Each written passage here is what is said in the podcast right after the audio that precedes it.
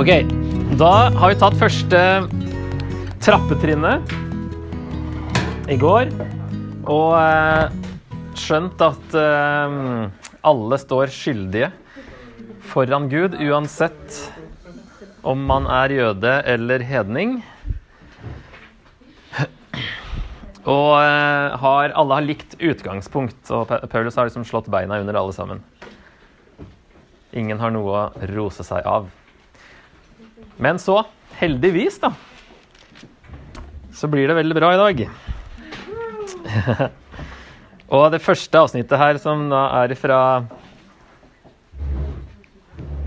eh, 3 Ja, det kommer på tekst på tavla, faktisk. 3.21 til 26.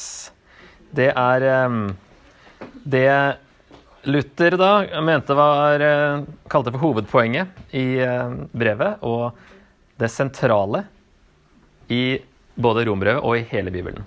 Så her får man liksom hele evangeliet eh, i et avsnitt som vi skal kikke litt nærmere på. Vi skal få noen spørsmål også her. Så det er jo sånn som i, det er sånn som i Efeserne 2, det her, ikke sant? Etter at Paulus i tre, bare tre um, vers der, da, ikke tre kapitler, men tre vers, har uh, i um, 2.1-3 malt alt veldig svart. Em, og så kommer det 'men Gud' i vers 4. Og her har det vært bortimot tre kapitler med synd og elendighet, bokstavelig talt. Og så er det 'men nå'. Yes. Og det var en som sa at uh, fins ikke noe vakrere ord i hele Skriften enn akkurat disse to ordene. Men nå. Så her får vi en opptur, da. Det har gått liksom nedover og nedover hele tida i starten her.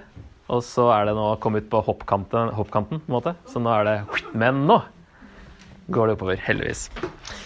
Så, men nå er Guds rettferdighet, som loven og profetene vitner om, blitt åpenbart uavhengig av loven. Dette er Guds rettferdighet som gis ved troen på Jesus Kristus til alle som tror. Her er det ingen forskjell, for alle har syndet og mangler Guds herlighet.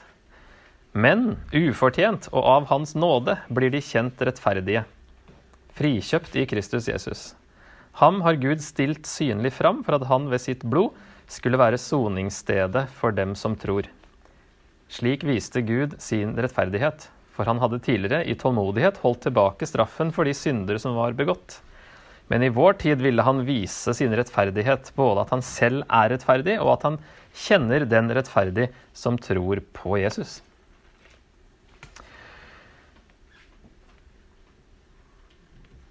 Så kan vi bare se litt på første eh, setningen. Nå er Guds rettferdighet, som loven og profetene vitner om, blitt åpenbart uavhengig av loven. Hva betyr det? Hva har liksom den Guds rettferdighet, altså frelsen ved tro, hva har den med loven og profetene, altså Gamletestamentet og loven her, da, å gjøre? Det er jo om Jesus, ja. Guds rettferdighet, altså det her med tro på Jesus. Ja at loven og profetene vitner om den rettferdigheten ved tro på Jesus, men den er blitt åpenbart uavhengig av loven. Så det, det er én ting, ja, at det, det løftet om rettferdiggjørelse ved tro, som Abraham blir det store eksempelet på, det kom før loven. Og det henger jo sammen med det at loven, det er ikke loven som gir deg den rettferdiggjørelsen. Selv om den, eh, man tror det kanskje at man måtte for, altså Hvis man var flink og holdt hele loven, så var man frelst.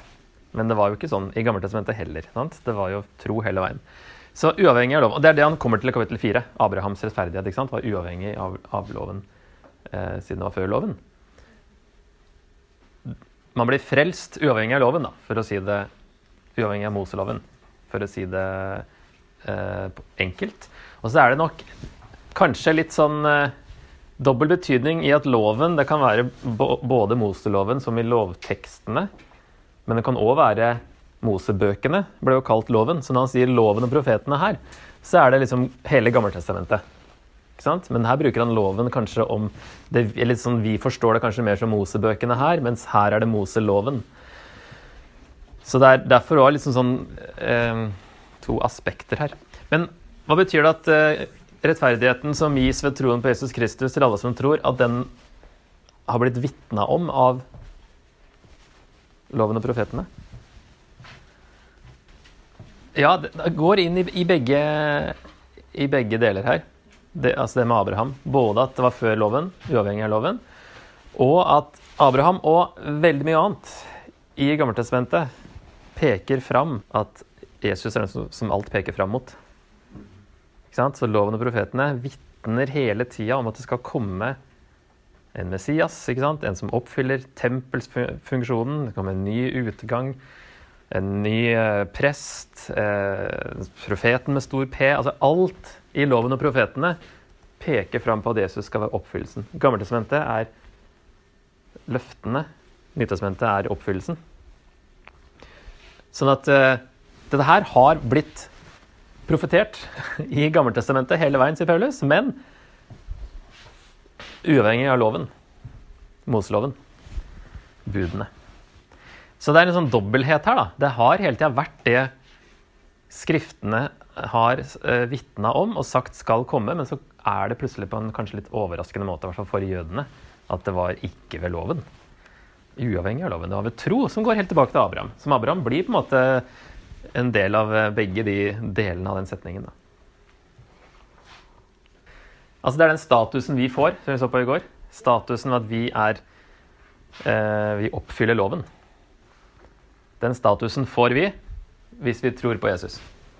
Da, er, da får vi Guds rettferdighet. Blir frifunnet, blir sett på som eh, feilfrie. Ok, så Jeg tenkte bare å ta bitte litt av den, eh, den første eh, setningen, før dere skal, kan kikke litt mer sjøl her. Men um, i vers 23, når han sier 'alle har syndet og mangler Guds herlighet', da var jo det vi så på i går. ikke sant? Det er en oppsummering av alt vi så på i går. I hvert fall fra 1.18 til 3.20 så er det oppsummert her. Alle har syndet og mangler Guds herlighet. Altså når ikke opp til Guds standard for rettferdighet, kan vi tolke det som. Eller at vi har mista den herligheten som Gud egentlig ga til mennesket, som har blitt ødelagt pga. synd.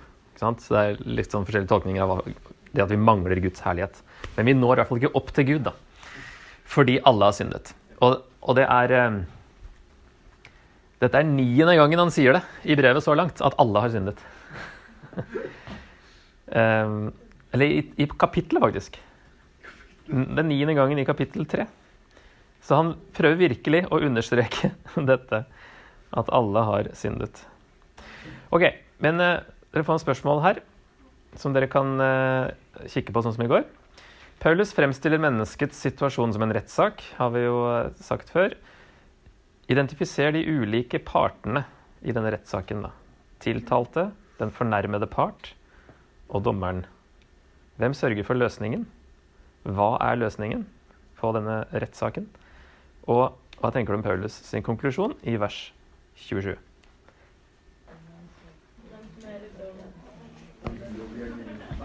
Ok, har dere klart å funnet ut hvem skal begynne med hvem som er dommeren, da?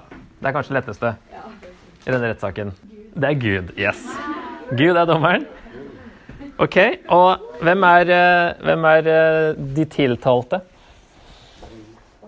Oss alle sammen. Alle har syndet, og egentlig alle har blitt funnet skyldige allerede i denne rettssaken. Dommen er jo egentlig allerede falt over oss alle. Ok, hvem er den fornærmede part? Hvem, er, hvem har uretten blitt gjort mot? Gud. Gud, det òg. Og da begynner det plutselig å bli en sånn annen type rettssak her. at det er dommeren som også er den fornærmede part. Ok, Og hvem sørger for løsningen? Gud. Og hva er løsningen? Det er jo Gud sjøl som blir løsningen.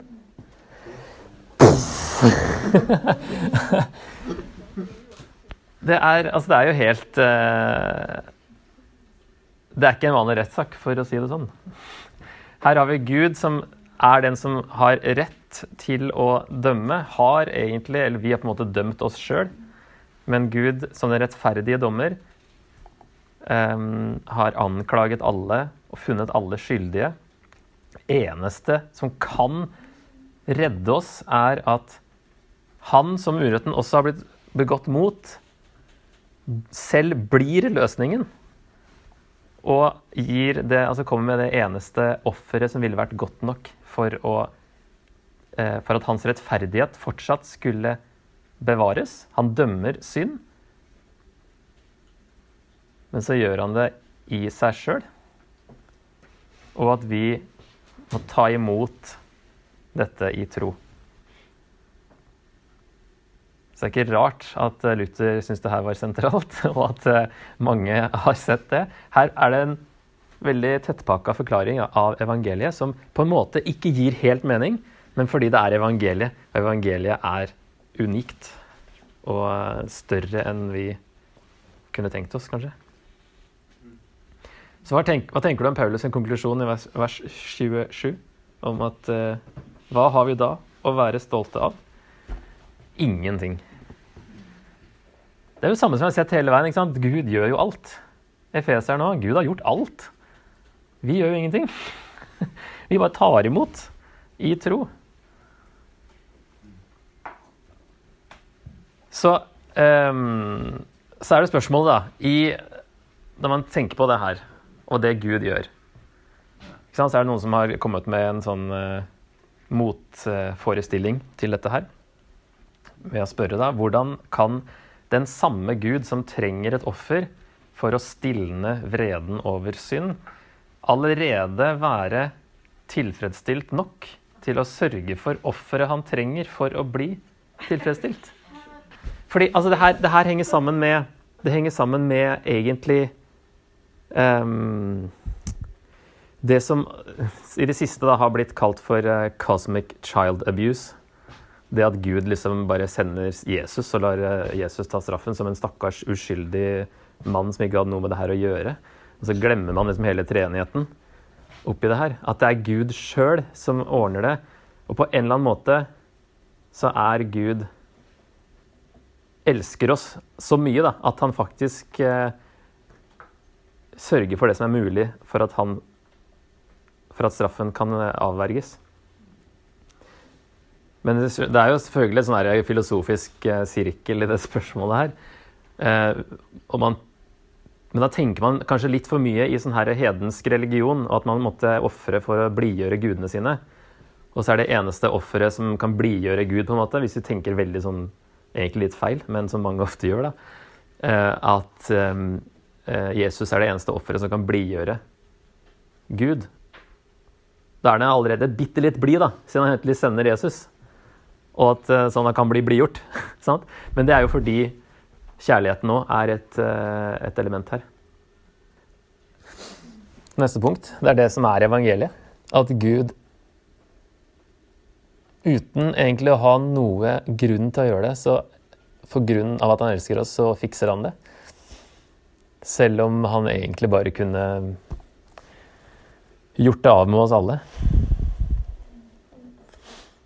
Gud sørger selv for den eneste mulige løsningen, og det er han selv. Evangeliet er virkelig unikt.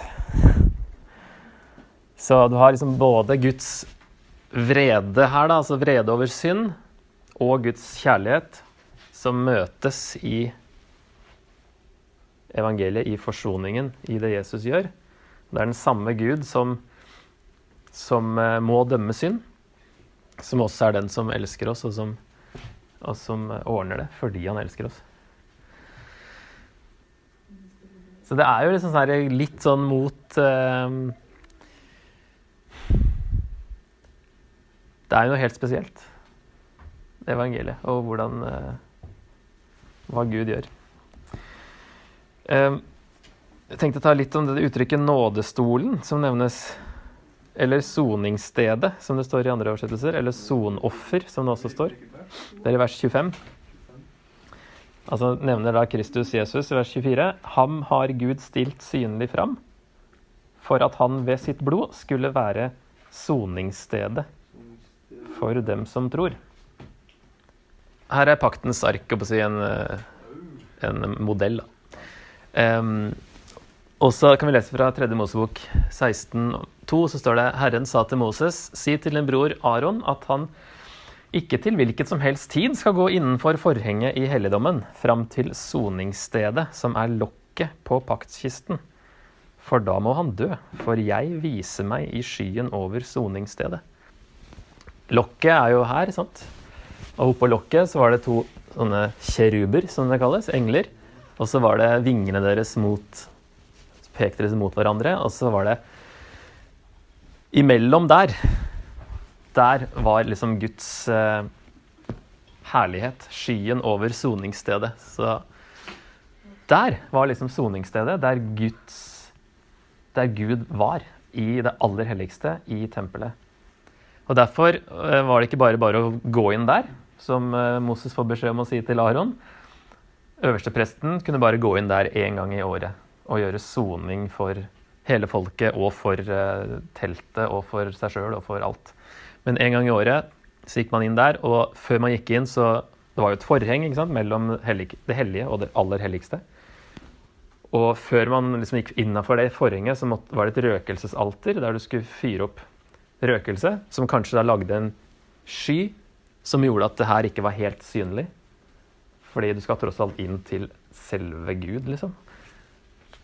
Um, og da må man lage litt det er, farlig. Gå inn en gang i året. Og kanskje den røykskya fra røkelsesalteret skulle være med å liksom dekke til litt. Selv om det var en sky. Eh, du så liksom ikke Gud, men det var Guds nærvær. da. Så det er det Paulus eh, sier her, er blitt oppfylt. At eh, det som også var skjult bak forhenget, det har nå Gud stilt synlig fram. For at han ved sitt blod skulle være soningsstedet for den som tror. Jesus er soningsstedet. Jesus er oppfyllelsen av det der. Jesus er der soningen skjer nå, da. Slik viste Gud sin rettferdighet. For han hadde tidligere i tålmodighet holdt tilbake straffen for de synder som var begått. Men i vår tid ville han vise sin rettferdighet, både at han selv er rettferdig, og at han kjenner den rettferdige som tror på Jesus. Han hadde holdt tilbake straffen. altså det, han, Det kommer en slide på det etterpå, men at han eh, kom med Moseloven, så de skulle ofre og vite hva synd var. Men det var ikke en fullstendig soning for synd. Fordi, men Gud, eh, fordi alt det her pekte fram mot Jesus, som skulle ordne opp i det her en gang for alle, så eh, hadde Gud i tidligere hadde tidligere i tålmodighet holdt tilbake straffen. Han straffa ikke. fordi Hebreerbrevet snakker om at blod fra bukker og okser kan ikke ta bort synd. Så det var en sånn midlertidig, delvis renselse, men ikke en fullstendig renselse. Men Gud i tålmodighet straffa ikke hvis de gjorde det ut fra loven, fordi han hadde det her i tankene. Og hadde man tro, så ville det her på en måte ha tilbakevirkende kraft og frelse dem da også. Ok, I dette bildet her, da, ehm, eller det som Paulus snakker om, så er det bare viktig å få fram det her med at Jesus gjør dette frivillig. ikke sant? Og han er også Gud som har blitt menneske. Det er ikke sånn at Gud bare At Jesus er en sånn helt utenforstående person som bare får skylda. Jesus sier i Johannes 10, vers 18.: Ingen tar mitt liv, jeg gir det frivillig. For jeg har makt til å gi det, og makt til å ta det tilbake igjen. Dette er oppdraget jeg har fått av min far. Så ingen tar det.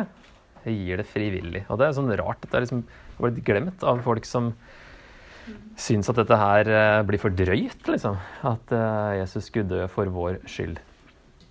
Han gjør det frivillig, og det er jo det som er Gud som blir menneske og gjør det for oss.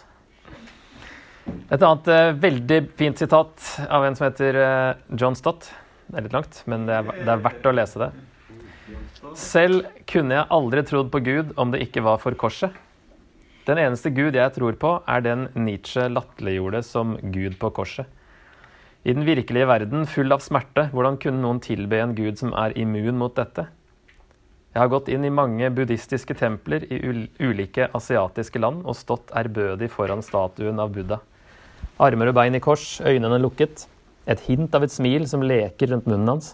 Et fjernt ansiktsuttrykk, fri fra verdens lidelser. Men hver gang måtte jeg etter en stund snu meg vekk. Og i tankene har jeg i stedet vendt meg til den ensomme, forvridde, torturerte personen på korset. Nagler gjennom hender og føtter, Ryggen oppflenget, lemmene dratt, pannen blødende fra tornene, munnen tørr og uutholdelig tørst, kastet inn i gudsforlatt mørke. mørke. Det er den Gud jeg velger. Han la til side sin immunitet mot smerte. Han kom inn i vår fysiske verden med tårer og død. Han led for oss. Våre lidelser blir mer håndterlige i lys av dette. Fortsatt står det et spørsmålstegn ved menneskelig lidelse, men over spørsmålstegnet stempler vi frimodig et annet tegn, korset som symboliserer guddommelig lidelse. Kristi kors er Guds eneste selvrettferdighet i en verden som vår. De andre gudene var sterke, men du var svak. De red, men du snublet din vei til en trone. Men til våre sår kan bare Guds sår tale, og ingen Gud har sår unntatt du. Så det er det unike. Forskjellen på kristendommen og alle andre religioner. Det er nåden, og at Gud selv ordner alt, og at han blir menneske og lider og dør for oss. Så det er flott.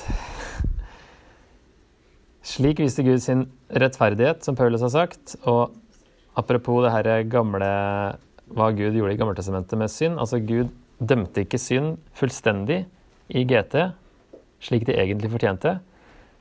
Ikke fordi han ikke var rettferdig, men han var tålmodig fordi han hadde planlagt å sende Jesus for å ordne opp med synden en gang for alle. Synd var like ille før Jesus også, men Gud tillot en delvis løsning inntil den fullkomne løsningen skulle komme.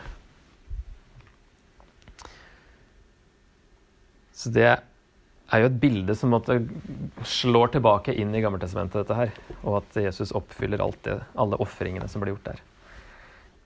Og Så er det da vanlig spørsmål, da. Hvordan, eller kunne ikke Gud bare tilgitt oss uten at Jesus måtte dø? Og her syns jeg vår venn Tim Keller han oppsummerer det her veldig fint. Hvis Gud tilga oss ved å bli likegyldig overfor synd, hvis han ville gi opp sin rolle som dommer, ville det neppe være kjærlig til syndens ofre. De ville ikke gi noen forsikring om fremtiden, og vil gjøre Gud dypt svekket i sin karakter. Nei, Gud skal, må og vil dømme oss. Underet er at han dømte oss i sin egen sønn. Gud setter ikke sin rettferdighet til side, han vender den mot seg selv. Korset representerer ikke et kompromiss mellom Guds vrede og hans kjærlighet. Det tilfredsstiller ikke hver av dem halvveis. Snarere tilfredsstiller den hver av dem fullstendig i en og samme handling. For det er ofte man tenker da, Hvorfor måtte Jesus dø? Hvorfor måtte det være på den måten? Kunne han ikke bare ha tilgitt oss? En ting er jo at altså, sånn som president da, kan uh, pardon uh, a criminal, ikke sant? For presidential pardon. Um, så, men da sier jo Keller på den måten at da Gud plutselig ikke var dommer lenger, og ikke dømte ondskapen Det er vi i Vesten som har det for godt igjen du, til å skjønne at det ville vært urettferdig for folk som har eh, lidd fælt av uh, grusomme tyranner rundt om i verden. Og liksom at Gud plutselig bare Nei, vi tilgir alle, jeg skal ikke gjøre det. Så Gud, det Paulus sier da, Gud viser sin rettferdighet han er rettferdig, han dømmer likevel, men det som han sier, han snur det mot seg sjøl. Så han på en måte Det som skjer i korset, er jo at Gud eh, både viser at han er rettferdig, han har ikke slutta å være en rettferdig dommer, for han kan ikke slutte å være seg sjøl. Det er jo en karakter hos han, og at han er rettferdig. Alltid helt rettferdig. Så han må dømme det onde. Samtidig som han uh, lets, off, uh, lets, us off the hook. At fordi han ordner en løsning som vi bare kan ta imot i tro. Men det er ikke sånn at han bare legger all rettferdighet og, og, og, dommerrolle til side. Han, han klarer da, i, i, evangeliet, i korset, å bevare begge de to. Derfor måtte Jesus dø. Så Gud ikke bare kunne plutselig bli annerledes. Han forandrer seg jo aldri.